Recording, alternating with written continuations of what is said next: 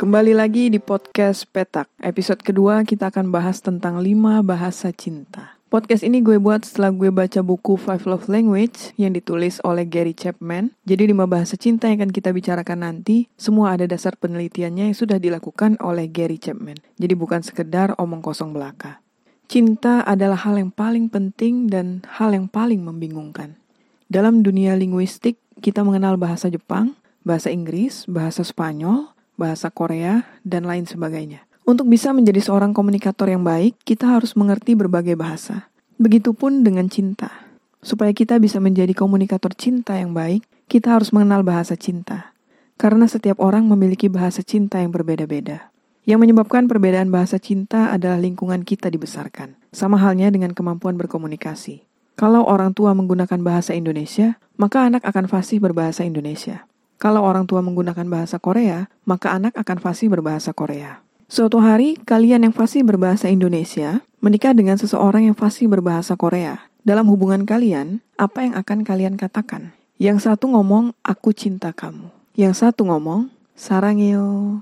Dua-duanya nggak akan ngerti. Jadi apa yang kalian ekspresikan, pasangan kalian nggak akan paham. Jadi ekspresi cinta tidak tersampaikan dengan baik. Lama-lama bisa bubar. Begitupun halnya dengan bahasa cinta. Apabila bahasa cinta orang tua kita tipe A, bahasa cinta kita adalah tipe A. Apabila bahasa cinta orang tua kita tipe B, bahasa cinta kita adalah tipe B. Lalu menikah nih. Yang satu bahasa cinta tipe A, yang satu bahasa cinta tipe B. Saling mengekspresikan cinta. Tetapi nggak ada yang paham. Karena perbedaan bahasa cinta. Ujung-ujungnya hubungannya jadi garing. Lama-lama bisa bubar. Maka dari itu kita perlu belajar, sehingga nanti kita berkomunikasi dengan pasangan, kita ngerti saat-saat dia menunjukkan atau mengekspresikan cintanya kepada kita. Supaya kita bisa saling menghargai dan peduli satu sama lain. Dalam sebuah percintaan, ketulusan saja tidak cukup. Kita harus mampu belajar bahasa cinta pasangan kita supaya bisa menjadi komunikator cinta yang baik. Sebelum kita masuk ke pembahasan lima bahasa cinta, kita harus tahu dulu bahwa dalam hubungan ada yang namanya tangki cinta. Tangki cinta ini harus kita isi terus setiap hari, supaya hubungan kita berjalan dengan baik. Untuk mampu mengisi tangki cinta, kita perlu belajar bahasa cinta. Tangki cinta tidak akan terisi begitu saja. Tangki cinta hanya dapat terisi ketika kita memahami bahasa cinta pasangan kita. Sekarang, mari kita bahas tentang lima bahasa cinta. Bahasa cinta yang pertama adalah words of affirmation. Maksud dari words of affirmation itu seperti memberikan sebuah pujian atau penghargaan kepada pasangan. Bahasa cinta yang pertama ini membutuhkan kemampuan verbal. Jadi harus pintar ngomong. Kamu cantik sekali hari ini. Kue buatanmu lezat sekali.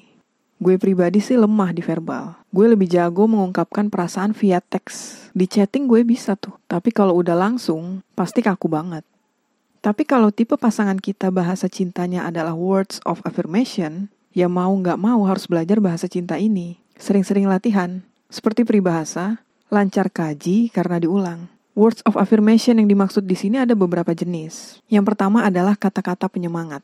Setiap orang memiliki sisi insecure-nya masing-masing. Hari ini pasangan kita kena body shaming misalnya. Dia jadi insecure dong sama bentuk tubuhnya. Mohon maaf mungkin dibilang gendutan sama orang lain. Kita sebagai pasangan harus memberikan semangat. Apabila pasangan kita bertekad mau mengurangi berat badan, maka katakan kepadanya bahwa kalian yakin dia bisa melakukan. Dia akan berhasil. Bahkan kalian siap menemaninya ke gym dan mencari program-program yang tepat untuk mengurangi berat badan. Words of affirmation yang kedua adalah kata-kata yang baik. Ketika kita marah, kecewa, atau kesal, cobalah untuk memilih kata-kata yang baik.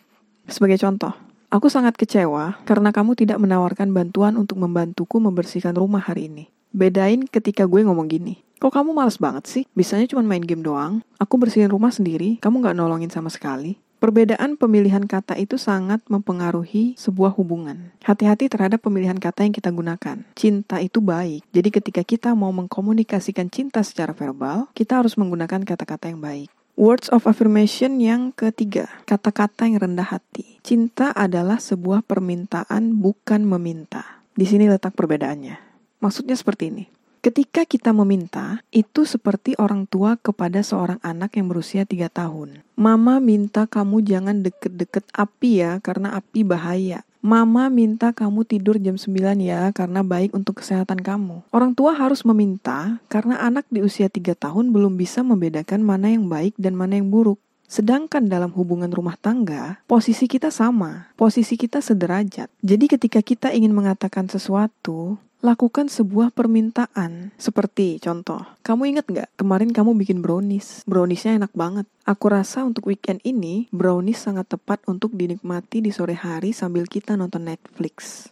Kalimat permintaan seperti itu tidak hanya rendah hati, tetapi juga mengandung panduan. Panduan yang menunjukkan seberapa suka kita dengan brownies buatan pasangan kita, dan seberapa ingin kita makan brownies tersebut dengannya dan menghabiskan waktu bersama. Apabila bahasa cinta pasangan kalian adalah word of affirmation, kalian harus berlatih secara verbal. Karena orang-orang dengan bahasa cinta word of affirmation membutuhkan simbol cinta secara verbal. Bahasa cinta yang kedua adalah quality time. Berbagai pujian, berbagai kata-kata indah tidak akan mengisi tangki cinta pasangan kita apabila bahasa cintanya adalah quality time. Mungkin dia akan senang dengan word of affirmation yang kita sampaikan, tetapi tangki cintanya tetap kosong. Pasangan kita akan sulit merasakan cinta jika bahasa cinta yang kita gunakan bukanlah bahasa cintanya. Ada beberapa hal yang harus diperhatikan apabila bahasa cinta pasangan kita adalah quality time. Yang pertama adalah kebersamaan. Kebersamaan berbeda dengan kedekatan. Yang sering orang lakukan adalah kedekatan. Mereka duduk di ruangan yang sama, tetapi tidak berbicara dan fokus kepada HP mereka masing-masing. Di sini letak perbedaan kedekatan dan kebersamaan.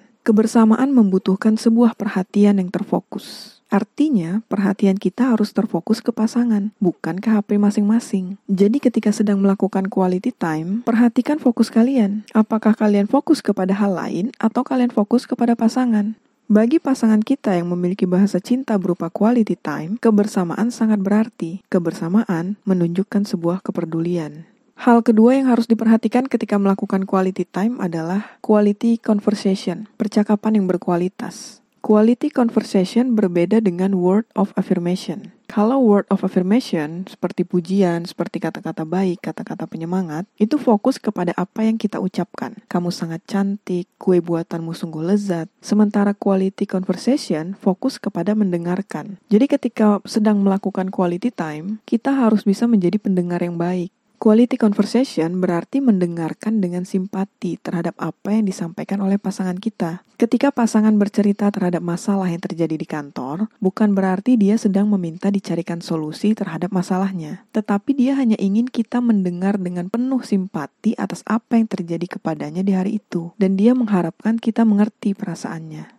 Hal ketiga yang harus diperhatikan dalam quality time adalah learn to talk, belajar berbicara. Pada quality conversation, kita diminta untuk mendengar dengan sepenuh hati, mendengar dengan simpati. Tetapi pada learning to talk, kita diminta untuk belajar berbicara. Learning to talk itu bukan belajar berbicara kayak anak bayi yang baru bisa ngomong, tetapi kita belajar mengekspresikan apa yang kita rasakan kepada pasangan kita, apa yang kita rasakan ketika jauh dari rumah, apa yang kita rasakan ketika melihat sesuatu yang membuat kita gelisah, apa yang kita rasakan ketika kita tidak dapat tidur di malam hari. Ungkapkan perasaan kita kepada pasangan, karena hal ini sangat diperlukan untuk membangun sebuah keintiman dalam quality time. Yang sering terjadi adalah dialog seperti ini. Kamu seharusnya bisa ngerti tanpa aku ngomong. Nah, yang begini nih. Wahai para pasangan yang minta dibaca pikirannya dan perasaannya, ketahuilah, tidak semua orang itu bisa membaca pikiran, keadaan, dan situasi. Nggak semua orang peka terhadap perasaan kita.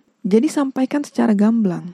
Sampaikan perasaan kalian kepada pasangan, karena sebenarnya pasangan juga pasti ingin tahu bagaimana kabar hati kalian hari ini. Selain itu, learning to talk ini penting karena kepribadian kita tuh berbeda-beda. Ada orang yang bisa memulai sebuah pembicaraan, ada yang nggak bisa. Ada yang bingung, ini gue harus ngomong apaan ya? Ngebahas apa ya? Jadi orangnya datar aja gitu. Tetapi ada orang yang berkepribadian gak bisa diem, ngomong terus, punya berbagai topik untuk dibicarakan. Ketika yang pendiam ketemu dengan yang pandai ngomong, aman. Mereka punya berbagai topik untuk dibicarakan.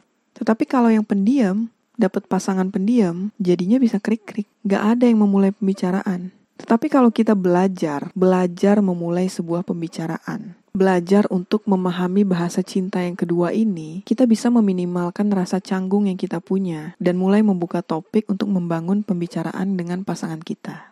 Yang terakhir yang harus diperhatikan dalam quality time adalah quality activities atau aktivitas yang berkualitas.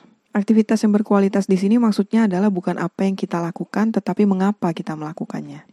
Aktivitas yang berkualitas ini bisa apa pun, baik yang disukai oleh pasangan kita ataupun aktivitas yang kita sukai. Artinya, kita harus mau belajar untuk menyukai aktivitas apa yang pasangan kita sukai. Biasanya ini berkaitan sama hobi sih. Menurut gue sendiri, punya hobi itu penting banget. Ini agak melenceng sedikit ya teman-teman. Gue mau kita bareng-bareng sadar pentingnya sebuah hobi. Di saat interview kerja atau proses seleksi kerja, sering tuh ditanya, apa hobi kamu? Pertanyaannya terkesan sederhana, tapi peran hobi dalam kehidupan itu memang sangat penting. Perusahaan ingin memastikan bahwa di saat kita stres, kita punya tempat pelarian yang positif. Tempat pelarian itu adalah hobi kita. Cobain deh kalau pikiran kalian lagi jenuh, lagi semerawut, ambil waktu istirahat, lakukan hobi kalian. Pikiran kalian dapat kembali jernih setelah melakukan sebuah hobi. Nah, sekarang balik lagi ke percintaan. Ketika kalian melakukan quality time dan memerlukan quality activities, maka coba lakukan hobi kalian atau hobi pasangan kalian bersama-sama. Dengan melakukan kegiatan tersebut, quality time kalian pasti lebih berasa, pasti lebih memunculkan sebuah keintiman. Bahasa cinta yang ketiga adalah receiving gifts, menerima hadiah. Hadiah adalah simbol visual dari cinta. Jadi kalau bahasa cinta word of affirmation membutuhkan simbol secara verbal, kalau bahasa cinta pasangan kita adalah receiving gifts, berarti dia butuh simbol visual. Ketika kita memberikan hadiah, pasti pasangan kita senang karena merasa diperhatikan, merasa diperdulikan, merasa diingat. Jadi fokus dari memberikan hadiah kepada pasangan bukan berdasarkan harga, tetapi berdasarkan perasaan bahwa kita ingat dan peduli kepada pasangan kita. Sebagai contoh sederhana gini, hubungan ibu dan anak. Seorang ibu pasti senang ketika mendapatkan bunga dari anaknya. Ibu itu akan merasakan kehangatan cinta, padahal bunga yang diberikan anaknya adalah bunga yang dia petik dari taman. Anaknya bahkan tidak membeli bunga itu, tetapi ibu bisa merasakan kehangatan cintanya. Jadi memberikan hadiah tidak melulu berdasarkan harga. Dalam sebuah pernikahan pun kita memberikan hadiah. Hadiah berupa cincin pernikahan yang menjadi simbol diikatnya dua hati menjadi satu. Tetapi ada perbedaan sikap antara beberapa orang tentang cincin pernikahan ini. Ada yang cuek aja mau pakai cincin pernikahan atau enggak nggak jadi masalah. Ada yang ngambek kalau pasangannya nggak pakai cincin nikah. Perbedaan ini disebabkan adanya bahasa cinta yang ketiga ini, receiving gifts. Jika bahasa cinta pasangan kita adalah receiving gifts, otomatis kalian harus menggunakan cincin pernikahan. Ingat bahwa orang yang memiliki bahasa cinta receiving gifts, dia butuh sesuatu yang dapat dia lihat secara visual. Tetapi simbol visual itu tidak melulu barang. Ada satu simbol visual dari cinta yang sangat kuat dan tidak dapat digantikan oleh apa pun, yaitu kehadiran kita di saat-saat penting pasangan kita. Momen tidak dapat terulang, hari yang terlewati tidak dapat kembali lagi. Jadi hadirlah di saat-saat penting pasangan kalian. Bahasa cinta yang keempat adalah act of service. Act of service itu seperti melakukan sebuah pelayanan. Ketika bahasa cinta pasangan kita adalah act of service, maka bantulah dia dalam mengerjakan pekerjaan rumah, Bantu pasangan kita dalam mengurus anak, bantu pasangan kita mencuci mobil, bantu pasangan kita membersihkan toilet.